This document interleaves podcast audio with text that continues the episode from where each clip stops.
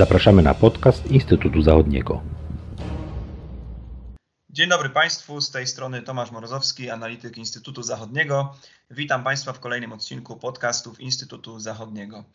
Dzisiaj porozmawiamy na temat Zielonego Ładu, założeń polityki klimatycznej nowej Komisji Europejskiej pod przewodnictwem Ursuli von der Leyen i takiego głównego wyznacznika działań tej nowej komisji, jaki został obrany przed wybuchem pandemii koronawirusa. Już y, także w kontekście y, pandemii COVID-19 polityka klimatyczna pozostanie kluczowym tematem, y, przecinającym w pewnym sensie wszystkie obszary polityki europejskiej w najbliższych latach. Skupimy się także na roli prezydencji niemieckiej w Radzie Unii Europejskiej w realizacji Zielonego Ładu. Temat ten przybliżymy Państwu w rozmowie z Martinem Wyciskiem, analitykiem Instytutu Zachodniego z zespołu Niemcy Państwo, Społeczeństwo, Gospodarka. E, Martinie, może zaczynając od e, kwestii podstawowych. E, pojęcie Zielonego Ładu stało się już dość modne, powszechnie używane, ale dotyczy bardzo szerokiej palety zagadnień. I czy mógłbyś przybliżyć, co kryje się pod samym zagadnieniem Zielonego Ładu? Dzień dobry Państwu. No, sama nazwa Zielony Ład albo po angielsku Green New Deal nawiązuje wyraźnie do nowego ładu prezydenta Roosevelta lat 30 E, za tym stoi tworzenia rębów infrastruktury, nowej formy gospodarki i pewnej transformacji e, gospodarczej. E, główną ideą, która tutaj za tym stoi, główna koncepcja jest związana z trzecią rewolucją przemysłową, jak ją zdefiniował amerykański ekonom Jeremy Rifkin. On generalnie przewiduje, że E, internet rzeczy, decentralna energia, energetyka zielona, która współdziała z internetem i cyfrowa mobilność i logistyka w pełni zmienią to, jak gospodarka będzie funkcjonowała, jak pojedyncze elementy będą e, współpracowały. Zatem też to z jednej strony oczywiście powstanie całkiem nowych branż, całkiem nowych modeli biznesowych, a równocześnie też e, upadek niektórych tych starych, już e, nam dobrze znanych. E, I Zielony Ład ma pomóc w tej transformacji, ma ją przyspieszyć i idea jest taka, by Unia Europejska stała się liderem w tej nowej formie gospodarki, w tej właśnie trzeciej rewolucji przemysłowej, tak aby zapewnić miejsca pracy oraz zamożność Unii Europejskiej. E, do założeń nowego Zielonego Ładu zalicza się innymi redukcję emisji gazów cieplarnianych o 50 do 55% do 2030 roku oraz osiągnięcie neutralności klimatycznej do 2050 roku. E, chce się wprowadzić również e, zamierza się realizować koncepcję gospodarki obiegu zamkniętego i tutaj są różne e, narzędzia jej realizacji. E, głównym będą wieloletnie ramy finansowe Unii Europejskiej i teraz tych nowych ma wyglądać o tak, że 25% wydatków Unii Europejskiej i mają być właśnie związane z ochroną klimatu, a w obszarze rolnictwa nawet 40%. No właśnie, przejdźmy teraz do, do roli Niemiec, y, także w tych negocjacjach, jak wspomniałeś, y, wieloletnich ram finansowych, w których również Zielony Ład będzie uwzględniony.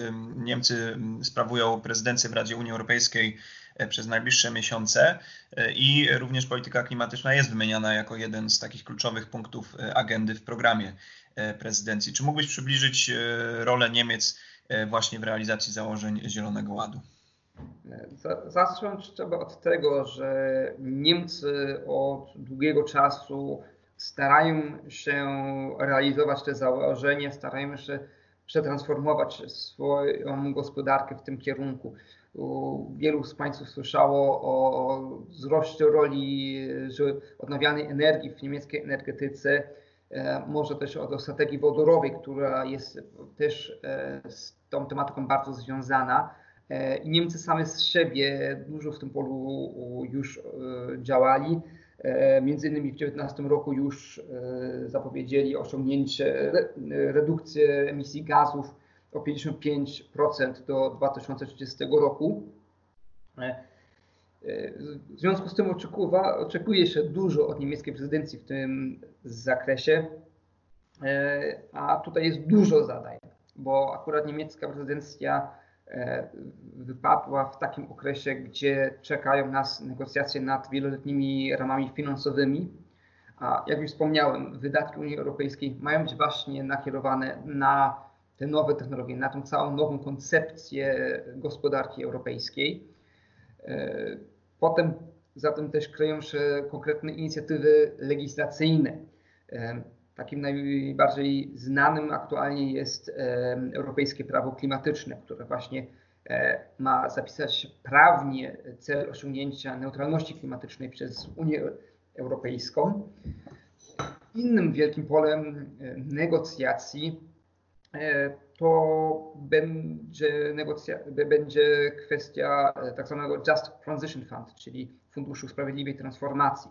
E, wiadomo, że są obszary, regiony, które bardzo są związane z starą formą przemysłu, branż, o których się oczekuje, że w następnych dekadach upadną. No między innymi górnictwo tutaj jest e, wymienione i fundusz ten ma właśnie ułatwić w tych regionach e, transformację.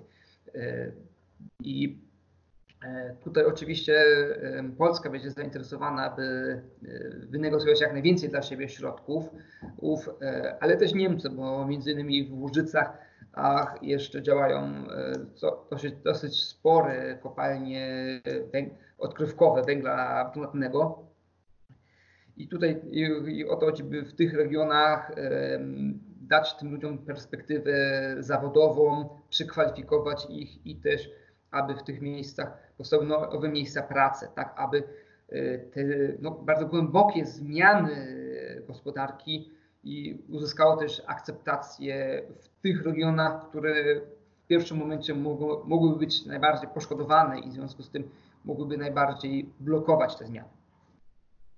Mhm. No i, i, te procesy właśnie realizacji założeń Zielonego Ładu w Unii Europejskiej, również przy udziale Niemiec, mają też znaczenie dla mm, relacji Unii z, ze światem zewnętrznym i z, dla, dla polityki zagranicznej e, Unii Europejskiej oraz dla jej konkurencji mm, e, zagranicznej. Czy mógłbyś na koniec właśnie odnieść się jeszcze do tego, jaki wpływ będzie miała realizacja Zielonego Ładu dla handlu zagranicznego Unii Europejskiej? Jeden z bardzo ważnych elementów e, propozycji Komisji Europejskiej jest tak zwany Carbon Border Adjustment Mechanism. E, to jest tłumaczone jako me mechanizm dostosowania cen na granicach z uwzględnieniem emisji CO2. E, generalnie istnieje obawa, dosyć uzasadniona, że zwiększenie wymagań wobec emisji i dwutlenku węgla powoduje, że przemysł y, przeniesie się w inne części świata, gdzie nie, są, nie istnieją takie wysokie restrykcje lub wcale nie istnieją i Unia Europejska zacznie y, importować te produkty, y, zamiast je wytwarzać u siebie, a równocześnie efekt na klimat będzie negatywny, no bo produkcja się przeniesie do krajów, gdzie tych, te restrykcje są gorsze niż w Unii Europejskiej. W związku z tym ten e, Carbon Border Adjustment Mechanism przewiduje e, nałożenie podatku na produkty importowane do Unii Europejskiej, e, definiowane według tego, ile CO2 zostało, powstało w wyniku produkcji tego, tego produktu u, w swoim kraju pochodzenia.